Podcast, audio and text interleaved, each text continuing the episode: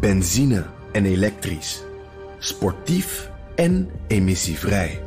In een Audi plug-in hybride vindt u het allemaal. Ervaar de A6, Q5, Q7 en Q8 standaard met quattro vierwielaandrijving. Wat u ook zoekt, u vindt het in een Audi. Audi. Voorsprong door techniek. De column van Bernard Hammelburg.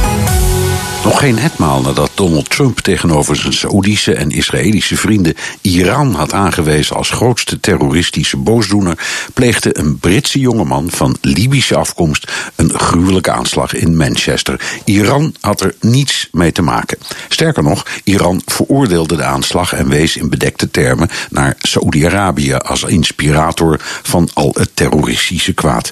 Wie heeft er nou gelijk? Het hangt er vanaf waar je woont. Dat Iran sponsor van zijn eigen republikeinse gardes, Hezbollah en Hamas, een gigantische bedreiging is voor Israël, de Syrische oppositie, Jordanië en de minderheden in Irak, is een feit. Dus daar heeft Trump een punt. Maar als je de lijst terroristische aanslagen in Europa sinds 9-11 bekijkt, vind je zelfs met een loep geen band met Iran. Vrijwel alle daders hadden een radicaal Soenitische achtergrond. Al-Qaeda, IS, Al-Nusra, het zijn allemaal organisaties met wortels in Saoedi-Arabië, geïnspireerd en vaak gefinancierd door het Saoedische Wahhabisme.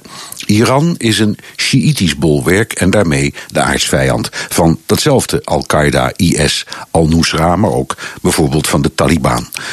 Europese jihadisten als Salman Abedi uit Manchester hebben allemaal hetzelfde profiel. Teruggekeerde Syriëgangers, geradicaliseerde sympathisanten van het Wahhabisme en af en toe een door IS of Al-Qaeda geronselde strijder.